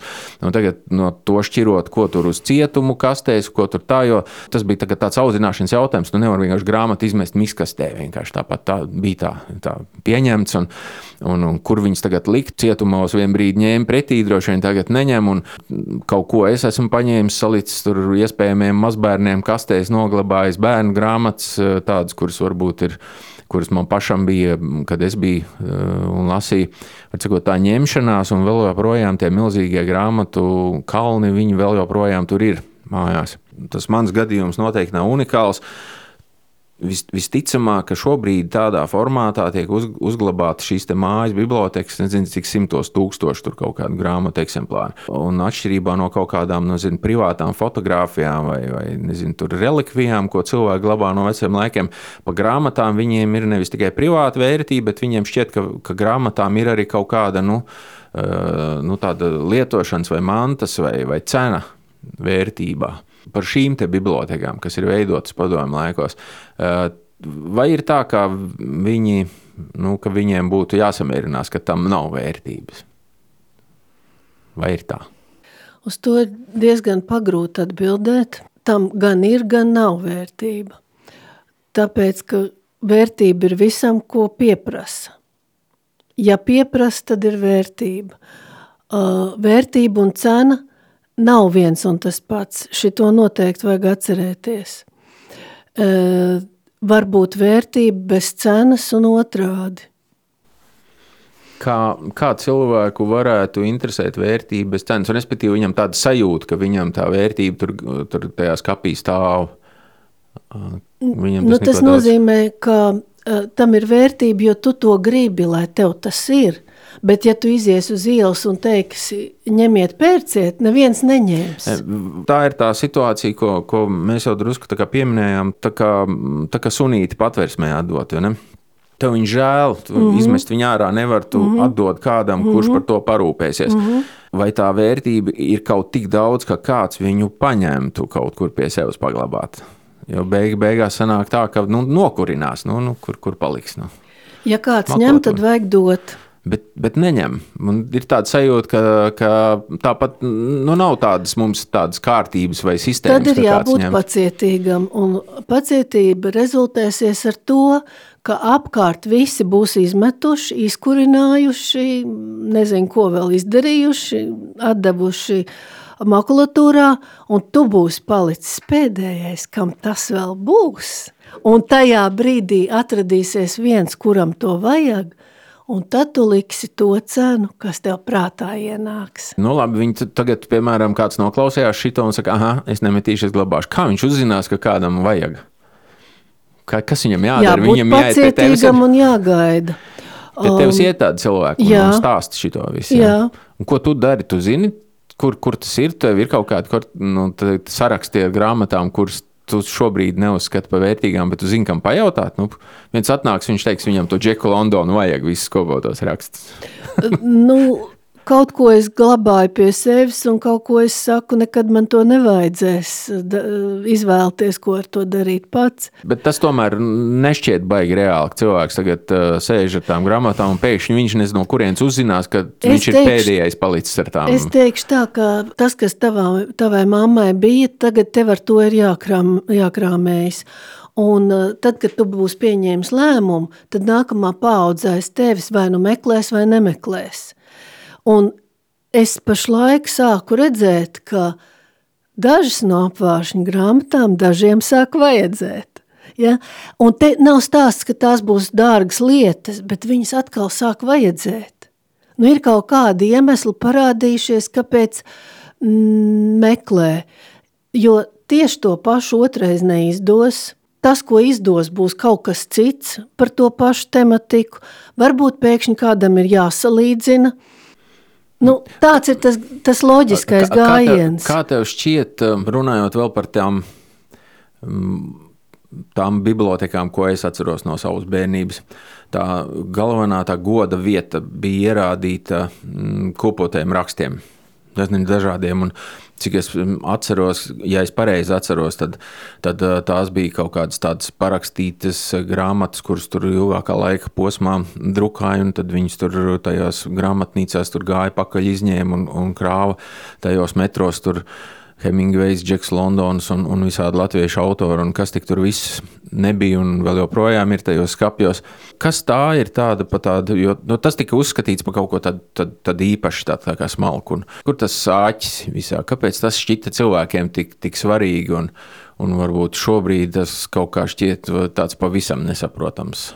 Man šķiet, ka tam ir um, nozīme radusies jau kaut kādos senākos laikos, un uh, ne tikai latviešu kultūrā, jo mums tā grāmatniecības vēsture ir īsāka, bet um, tas ir pasaules kultūrā, ka kopots rakstus uh, vākt un uh, kolekcionēt, um, nolikt savos dzimtas plauktos, tas ir nozīmīgi jo tos vieglāk atstāt mantojumā, tie dod pilnīgāku priekšstatu par to autoru un laikmetu. Uh, turklāt man ir tāda sajūta, ka tajos senajos laikos, tajās um, muiž, muižās un pilīs un, un, un uh, smalkajās vietās, kur tās grāmatas, uh, tie kopotie raksti glabājās, ka tur cilvēki vairāk lasīja tā kā uz atpakaļ par bijušo iepriekšējos mm, autors, mirušos autors un mazāk uh, tā kā mēs tagad darām, lasam to, kas ir pats aktuālākais, to, kas ir šobrīd, un ķeram, lai nebūtu nokavējuši kaut ko tikko, tikko iznākušu. Un, um, Tā kā mēs vairāk dzīvojam uz priekšu, bet viņi vairāk dzīvoja ar to seno pēctecību, tad mēs šobrīd zaudējam to saitīti, kas iet starp laikiem, starp kultūrām, um, to pilnīgo pārskatu, ko dod augstvērtīgi sagatavot kopot raksti.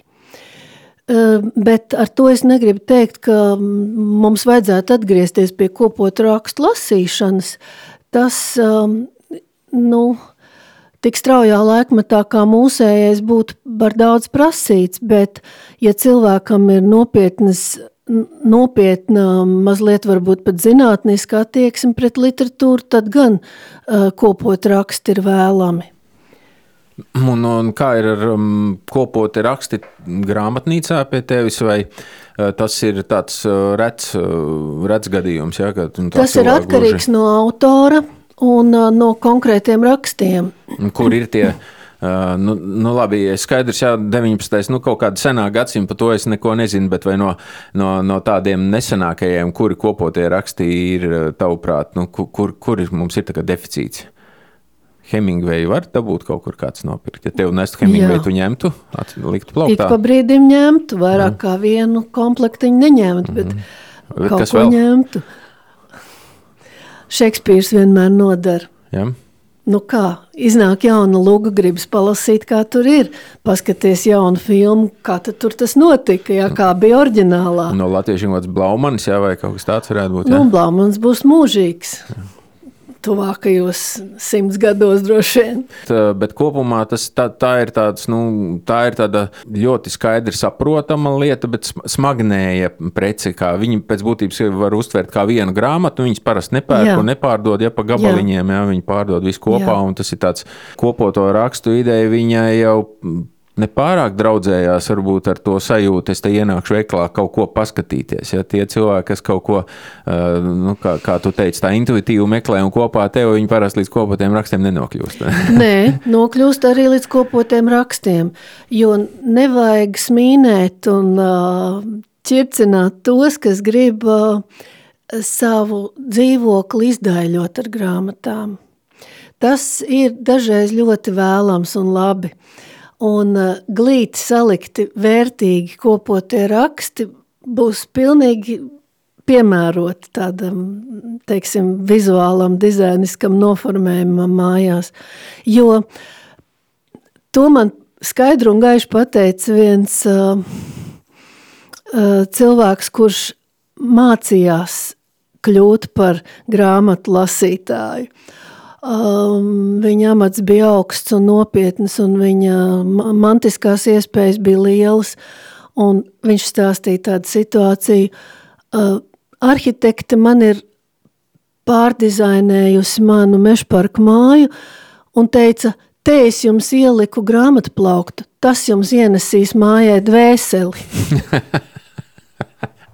un viņš atnāca, un viņš atnāca, jā, viņš atnāca, Bet viņam arī bija saraksts par simts grāmatām, kas jāizlasa inteliģentam cilvēkam. Tas bija ļoti interesanti, un patiesībā es ļoti atbalstu cilvēkus, kas saprot, ka viņiem kaut kas pietrūkst, ka viņiem ir kur kāpt, ja? ka tas, ka viņš ir ieguvis amatu un mantu un vēl kaut ko tādu, vēl nepiepilda visu, ka uh, būs jauki, ja viņš citas pozīcijas savā dzīvē arī aizpildīs. Var sākt ar kopotiem rakstiem, pēc krāsām var piemeklēt. Ja es pareizi saprotu, tad to uh, grāmatu atlasi uh, sev, kas, kas nokļūst pie tevis veikalā, tas tad sanāk tā, ka vairāk ir tava iniciatīva, ne, nevis tu, tu izvērtē to, ko tev atnes un šito ņemšu, šito nē, bet pati gan arī meklē kaut ko, kā tas, kā tas notiek, kā tu tur tiec pie nē, tā? Nē, es balstos veiklā? tomēr uz to, ko cilvēki piedāvā. Uh -huh. uh, es tādu iniciatīvu parasti neizrādu, nevienam neuzplījos ar jautājumiem, vai tev mājās nav kaut kas liekas. Uh, viņi nes un piedāvā, vai sastāv kādus sarakstus, vai sūta bildes, vai tam līdzīgi. Uh, un, diemžēl man tas viss ir jāiet cauri kaut vai tāpēc, vien, ka uh, cilvēki paši nevar novērtēt, kur atradīsies kaut kas unikāls, brīnumains, rets, neparasts. Es vienmēr viņiem skaidroju, tiem cilvēkiem, lai viņi pievērš uzmanību arī mazām pelēkām lapiņām, neizteiksmīgām brošūriņām, jo bieži vien tas ir vairāk vērtīgs nekā tās grāmatas zelta burtiem. Bet, labi, bet tu viņam saki, pievērsiet uzmanību un at, atnesiet nosaukumu un autoru, norakstiet, kas Vai arī nesiet parādīt, sašķirosim mm. tepat uz vietas. Mm -hmm. Un viņš tagad ir atnesis tas cilvēks. Nu, tad un, mēs tā arī skatāmies, un, un, pa labi, pa kreisi. Jā, nē, ne. jā, nē. un tad viņš nabadzīgs stiep to atpakaļ visu. Nu, kaut kā jau vienojamies, ko iesākt tālāk. Tev, tev daudz ir tādu grāmatu, kuras tu patiesībā esi paņēmusi nu, tā kā vairāk tā, nu, aiz žēluma, lai, lai nebūtu cilvēkam jāmocās nest atpakaļ. Gadās, bet, nu, bet ja tā neizdara, tad dažreiz nevar pie tā unikālā tikt. Bet lielākā daļa no cilvēkiem, kas sagādā tev grāmatas, no kuriem rodas, tās ir viņu pašu grāmatas, vai tur tomēr ir vesela tāda tā starpniecības kaut kāda komūna vai kaut kāda cilvēka, kuri kur tā kā, nezinu, staigā pa tiem pensionāriem vai kuriem ir tie Dominē divi varianti. Vai nu paši cilvēki, kas saka, nu, man jau te pensija un tā, un es jau ko tad man pēcteči nelasa. Tiem es parasti saku, neuztraucieties. Dzīvojiet ar savām grāmatām, lai uztraucas tie, kas paliek pēc jums. Un ir otra grupa, kas um, ir nesen mantojuši kaut ko, ar ko viņi nezina, ko iesākt. Un tad viņi grib iztīrīt māju. Nu, viņi parasti neapzinās, kas viņiem pieder, un tur nākas daudz mācīt, skaidrot. Nu, tad, tad arī risinam tos jautājumus. Tādos uh, kas nezina, kas viņiem pieder, visbiežāk arī kaut kas tāds brīnumains un vērtīgs arī atrodas ja, tajās jā. tieši bibliotekās, jā. visticamāk. Ja. Mm -hmm. Vēl joprojām nokļūst kaut kur, nosauksim tā, tirgū tiek atklātas arī tādas bibliotekas, kuras ir nevis no 70, 80, bet vecākas tiešām no, no gadsimtiem, nu, tur nezinu, gadsimta sākuma, 20. vai kaut kas tāds. Kaut kas tāds vēl joprojām notiek vispār. Kaut kur tas bērniņš atsevišķi retumi, ja, nu, es domāju, tādā dzimtas nozīmē, kur dzimta pēctecība ir bijusi un kur ir krāts grāmatas vairāk, nu, iepriekšējā gadsimta mīs, teiksim. Bet ir reti gadījumi un Es nevarētu lielīties, ka man būtu tādi nākuši pretī visapjoms lielais. Vai tu to savu interesi par tām grāmatām, to fokusu var kaut kā sadalīt tā, ja tev prasa, vai tu uh, nu nevis varbūt specializējies, bet uh, vai tu centies, piemēram, jo tuvāk 20. gadsimta sākumam vai tu nezini 19. gadsimtā, jo labāk, principā, jo vecāka, jo labāk. Tā nav tik vienkārši. Noteikti ne? nē. Tā nav, ja? Nav tā, ka jo vecāks, jo labāks, un tā ir viena no lielākajām kļūdām, jo cilvēki parasti domā, ja tas ir uh, radies pirms manas dzimšanas, tad tas ir vecs. Tā nav, un ne viss, kas vecs, ir vērtīgs, bet tāpat laikā arī uh, tā var viegli kļūdīties, ka viss vecs lietas ir nevērtīgas. Mm, tāpēc ir tam profesionālismam jāaugu. Tāpēc ir jābūt kaut kādiem ekspertiem, kas to var jums dot kā padomu, ko, ko darīt, ko paglabāt, ko, ko laist tautā vai, vai ko nav vērts glabāt.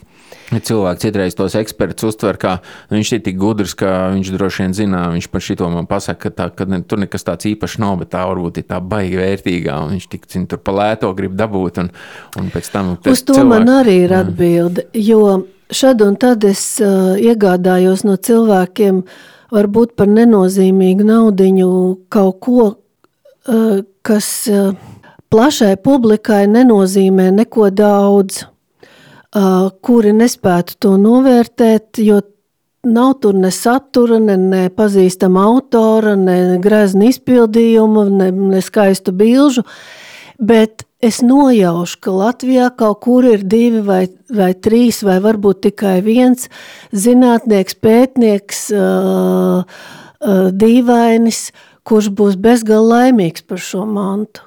Un, un tas zinātnieks, viņš varbūt samaksās vienu eiro, un viņam jauns zinātnisks darbs uz tā fona var rasties. Un tāpēc nevienmēr es vērtēju grāmatas no tā uh, merkantīlā viedokļa, bet es domāju par to uh, kultūras pēctecību vai kultūras izziņu vai mm, kultūras mantojumu, ko ar manu starpniecību var veidot, kas uh, es to varu ietekmēt. Tādā ziņā es esmu pietiekami iedomīga. Bet uh, tā, tajā iedomībā ietilps tāds priekšstats, ka ka visi šie dīvaini zina par tevi, ka tāda vieta ir. Un, ja viņiem kaut ko tiešām es tā, tā... ļoti pārāk neuztraucos par to, vai zinu, ne, vai nezinu. Tā varētu būt, ka visi zina. Vai... Es nojaušu, ka mans vārds tiek, kā sakot, popularizēts, bet Nu, es tā neuztraucos. Ne, tā, tā kā ienāk visādi tādi nopietni kungi, tādi īsti pētnieki, tur lielie nu, zinātnieki, un tam līdzīgi. Zinātnieki arī, man ir atklājuši. Jā. Labi. Cik lielu daļu no visām šīm īpatnējām vajadzībām tu nosedz? Mazāko daļu droši vien. Cik mazāk? Vienu procentu? Nezinu, Bet, ne, neesmu domājis. Nē, nu, nu labi, Bet ir, ir arī ir tā, ka nevar. Tā, ka, nu, respektīvi, cik bieži ir tādi cilvēki, kur atnāk, zina kaut ko konkrētu un to nu, nekur nevar atrast. Ne, viņš ir internetā, ne pie tevis. Visi zina to grāmatu, visi atcerās, un, bet nav. Nu, Kriminālistikas simts gadi bija kādreiz ļoti. Tev ir starp citu tā grāmata. Es to nemaz neesmu iekrājusi, jo viņi ir pilnīgi bezjēdzīgi. Pieprasījumi nav. Bēr, bērnībā bija vēl lasājumi, ir kaut kāds. Um, nu vienmēr paliek bibliotekas. Bibliotekās ir obligāti eksemplāri, un tur ir kontekstā, tu viņu var arī no, pasūtīt no citas valsts, ja vajag. Tā kā tas, ko es nevaru nosegt, vienmēr būs kaut kādā citā formā uz uh, mūsu apaļās mīļās zemītes saņemams. tas, tie biznesi ir nodalīti. Ja veikals, tad veikals, ja biblioteka, tad biblioteka. Bet, Noteikti. Bet, kāpēc nav tāda, tāda metode kā veikals biblioteka? Nu, atnāk cilvēks, viņš negrib pavisam nopirkt, viņš pa vienu eiro Atsevišķas reizes tā ir. Es pieļauju tādas versijas, bet es negribu iekopt to kā nu, tādu biznesa formu, jo tas sarežģīja procedūru. Grūti uzturēt, vienkārši atcerēties. Tas administrēt nu, grūti. Uzskaitīt.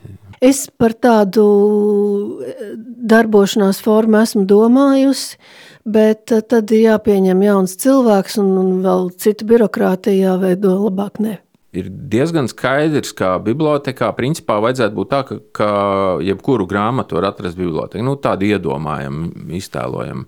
Biblioteks jau ir sen zināms, bet uh, vēl joprojām ir cilvēki, kuri tās grāmatas, uh, to grāmatu grib nopirkt sev pat tad, ja viņi vienkārši viņi grib tāpat kā bibliotekā vienreiz izlasīt. Tas ir kaut kāds rudiments, tā, tā ir kaut kāda lieta, kurai vajadzētu agrāk vai vēl izbeigties, vai nē?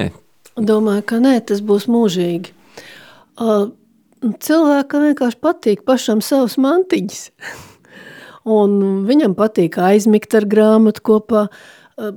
Te mēs varam pieskarties, kāpēc nu, papīra grāmata vienmēr ir populārāka tomēr bijusi līdz šim nekā kaut kādas interneta versijas lasīt datorā un tam līdzīgi. Cilvēkam patīk aizmigt ar grāmatu, ar papīra grāmatu ir vieglāk aizmigt nekā ar datorklēpī. Un cilvēkam patīk īpašumtiesības. Nu, vispār mēs, mēs varam īrēt dzīvokļus, bet mēs viņus pērkam. Tāpat ir arī ar grāmatu. Nu, vai tu īrē no bibliotekas, nu, tas to nozīmē, vai ne? Vai, vai tu nopērci un tad pēc tam es daru, ko gribu. Es esmu saimnieks. Mēs turpinām sarunu. Tu turpini klausīties skeptisko podkāstu Kancele.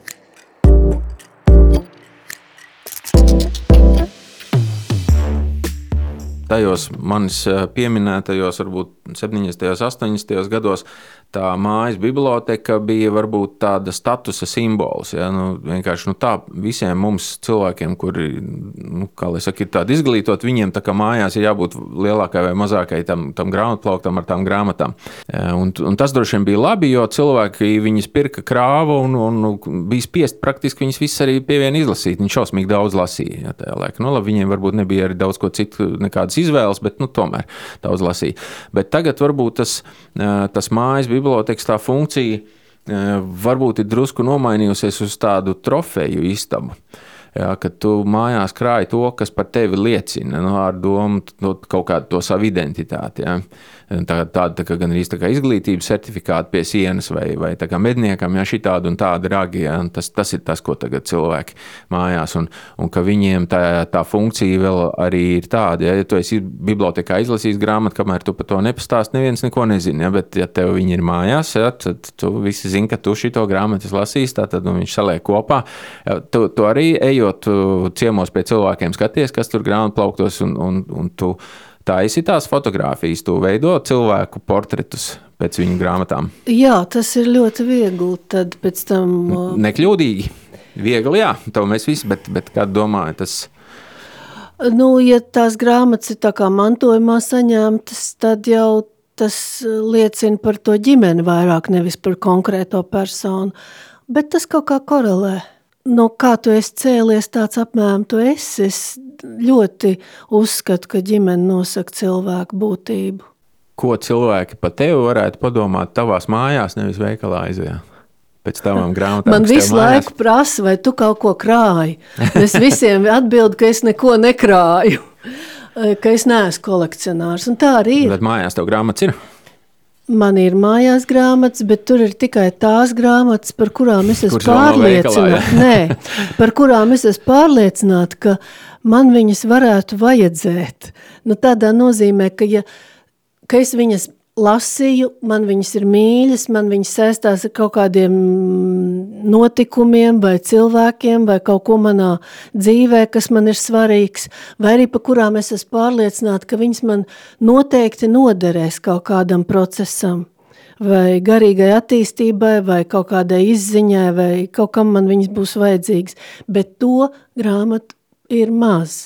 Līdz ar to es varu teikt, man mājās nav super daudz grāmatu tā varētu būt, ka cilvēks, lai padomātu par, par, par sevi, viņš grib kaut ko par sevi uzzināt. Viņam varētu noderēt tas, ka viņš sakrauj kaudzē tās grāmatas, ko viņš teiksim, pats ir izlasījis, kas ir, ko viņš ir paturējis. Iespējams, pats pircis, bet noteikti arī pats izlasījis, un, un kurus viņš uzskata par tā vērtām. Tad viņš to tā atsevišķi noliek un paskatās. Un, un, un, ja viņš pats no tā nevar saprast, tad viņš pasauc tevi vai kādu citu, kurš no grāmatām kaut ko saprot un palasa, un, un tad uh, par to cilvēku var diezgan daudz ko uzzināt. Jā. Tas nozīmē, ka tā, tā grāmatu pirkšana varētu būt arī nu, kā lai saka, eh, sevis izzināšanas forma. Jā. Tas kaut ko ziņo par šo cilvēku. Nu, man ir vairākas reizes bijuši tādi patīkami piemēri, kad cilvēks atnāk ar sarakstu un saka, te ir simts grāmatas, kas jāizlasa inteliģentam cilvēkam. Viņi parasti tos sarakstus kaut kur dabūna no kaut kurienes. Jā, jā, jā. jā. Un, um, Un tad mēs meklējam, mēs mēģinām to sarakstu piepildīt. Nu, reāli viņš aiziet mājās ar kasti, ja, tas cilvēciņš. Un tas ir pietiekami simpātiski, ka ar to ņemas un ka to grib un ka tu mēģini sevi attīstīt kaut vai pēc uh, Times kaut kādā grāmatu topā izveidot sarakstu. Ja. No kurienes ņemt to sarakstu vēl, tas ir svarīgi. Jā, kaut kādas autoritātes jau droši vien pārsvarā nu, nu, cilvēks kaut kā uz dūlo. Jā, nē, bet, nu. bet, bet tas ir labi. Nu, tas nu, jā. ir labs sākums. Tu varētu uztaisīt tādu sarakstu, savu sarakstu. Viņš būtu subjektīvs un varbūt nu, man nesanāktu simt. Un pie tā mēs nedarām. Tāpēc, ka es... simts uztaisīt, ne tur visu ko ierakst. Nu, ja tev jāuztais tieši desmit, ir grūtāk. Nezinu, es negribētu tik garu sarakstu rakstīt, jo um, nu, es neuzskatu sevi par literatūras speciālistu. Un pēdējā laikā jauno izdoto literatūras lasu ar vien mazāk. Man ar to es nelepojos. Patiesībā grāmatas, uh, grāmatas taču cilvēks drīkst dalīt tādās, kuras ir vērts lasīt un kuras nav vērts lasīt. Jā, drīkstu, bet tā galiņu vajadzētu atstāt vaļēji tomēr. Un tā kā drīkst ieteikt un noticēt un ieklausīties un pamēģināt. Bet uh, varbūt tāda grāmata, kurai, uh, kuru nav vērts lasīt, nu, nekādā veidā, nu, kur ir tik bezjēdzīga. Es nezinu, tur. Katram uh, savs. Nu, mēs esam visi dažādi. Mežā visādi rupuči vajadzīgi. Tavā, ne, mēs nerunāsim par vienkārši diletantisku literatūru. Arī tāda ir. Bet tā diletantiska varētu būt tāda, kur tomēr būtu labāk nemaz nenodrukājuši. Jā, var tā būt. Tev veikalā tādas ar? Varbūt kāda tāda grāmata? Kāda varbūt arī ir, jā. Uh, jo, tāpēc, ka, jā? kāpēc es viņu kolekcionēju? Tāpēc, ka var izrādīties, ka kādam vajag tieši šo piemēru. Nevis konkrēti autori, nevis konkrēti grāmatu, bet vienkārši kā izskatās diletantiska literatūra. Viņš ir kaut kāds zinātnieks, viņam kaut ko vajag saprast, viņam vajag kaut kādu piemēru, no tās dīvainās vajadzības. Tā, tā ir tāda varbūt tā neparastā, mūsdienās tā, tā neierastā domāšana, ka tad, kad, kad es kaut ko nezinu, ja, vai es par kaut ko šaubos, vai es kaut ko gribu uzzināt, ka es aiziešu uz grāmatu veikalu, uz grāmatnīcu, un tur es noteikti atradīšu kaut ko tādu, kas man noderēs vai palīdzēs. Tā varētu būt tā, eh, tā lieta, kas iespējams ir, ir gājusi mazumā kopš, kopš tiem laikiem, kad visi lasīja ļoti daudz un, un, un, grāmatas bija baigā ikdiena. Ka, ka cilvēkiem varbūt ir, ir, ir grūtāk ar šo, ka ja viņš nezina konkrēti, kur grāmatu viņš grib, viņš vienkārši neiet un nemeklē neko. Eh, un tas varētu būt tas, kas Eh, ko varētu mēģināt eh, atdzīvināt un atgādināt par, par grāmatnīcām vai par tavu grāmatnīcu. Ja viņam ir kaut kādas eh, šaubas par to, ka viņš, viņš, viņš kaut ko gribētu, bet īsti nezina, ko, tad viņam viņu vajadzētu iedrošināt. Ja viņam vajadzētu nebaidīties iet. Un... Tāda veida veikals kā manējais ir jauks ar to, ka tur var atrast dīvainas dāvanas. Sev? Nu, Vai, vienalga vai draugam vai, vai kaut kādam jubilāram, vienalga kam. Ja? Un tu vari ierasties ar pilnīgi nesagatavotu priekšstatu. Un nav, tev nav pat jādomā par grāmatu, bet uh, tur var kaut kādu kontekstu salikties. piemēram, vai atrast viņa dzimšanas gadā izdotu kaut ko, vai atrast vecu avīzi vai žurnālu, kurā atspoguļojas kaut kas par viņam iemīļotām vietām. Nu, piemērs var minēt dažādi veidi, ja? Kādam patīk dinozauri un ir grāmata par putniem, putnu kaut kādām sugām un, un, un mēs izstāstam jaunajam jubilāram, ka putns ir gandrīz vai dinozaurs. Nu, e, tie aspekti, kā to pasniegt, var būt ļoti dažādi. Un patiesībā manā veikaliņā nav tikai grāmatas, tur ir dažādas lietas, kas saistītas ar papīru, drukāšanu, ar, ar, ar poligrāfiju, ar arī pastkartes, šis tas no kartēm, tādas drīzāk plakanas lietas, bet ir arī kastītes. Man ir iepakojuma kastītes diezgan interesantas. Nu, es gribu iedrošināt, ka ne, nevienmēr par grāmatu ir jādomā. Var domāt arī kā par šo dāvanu formātu, vai pārsteigumu, vai um, vienkārši kaut ko uzjautrinošu, vai asprātīgu. Nu, kāds, Nu. Nu jā, vārdu sakot, nenokoncentrēties uz tādu domu, ka tev obligāti ir konkrēti kaut kas jāzina, lai tur, tur ierastos un ļoti konkrēti kaut kas jāmeklē. Tas netraucē, ja tu zini, ko tev vajag, mm, bet tas nav obligāti. Tieši tā. Jā, tas nav obligāti. Un, un varbūt tad pašās beigās pēdējais jautājums, un atgriežoties pie, pie šķīstītavas. Tās, tās dvēseles tā kā, tā kā pamirušas, tā kā nomirušas, viņas tev tur spokojās pie tevis. Nē, ne? nē nemaz. Nemaz. nemaz nē. Labi, nu tad, tad ar to arī droši vien mēs varam um, šoreiz to sarunu uh, pabeigt. Varbūt, varbūt pielikt komatu, varbūt kādreiz arī turpināt. Iešausies prātā vēl kas, ko mēs varam vai gribam pārunāt. Un paldies tev par šo pusotru stundu, ko mēs esam parunājuši. Un, un iespējams, ka kādam tas viss varēja Eh, varēja likties interesanti un, un galvenais iedrošinoši. Eh, pieiet, varbūt pat, mm, pat varbūt neiet uz veikalu, pieiet vienkārši pie savas, savu grāmatu plaukt vai savas mammas grāmatu plaukt un kaut vai tā uz dulo izvilkt vienu grāmatu un tā palasīt, kas tur ir iekšā. Svarīgs plāna. ir tas skatījums, kā tu to grāmatu iesāc, ir kaut kādai atslēdziņai jābūt, ar ko tu slēdz vaļā.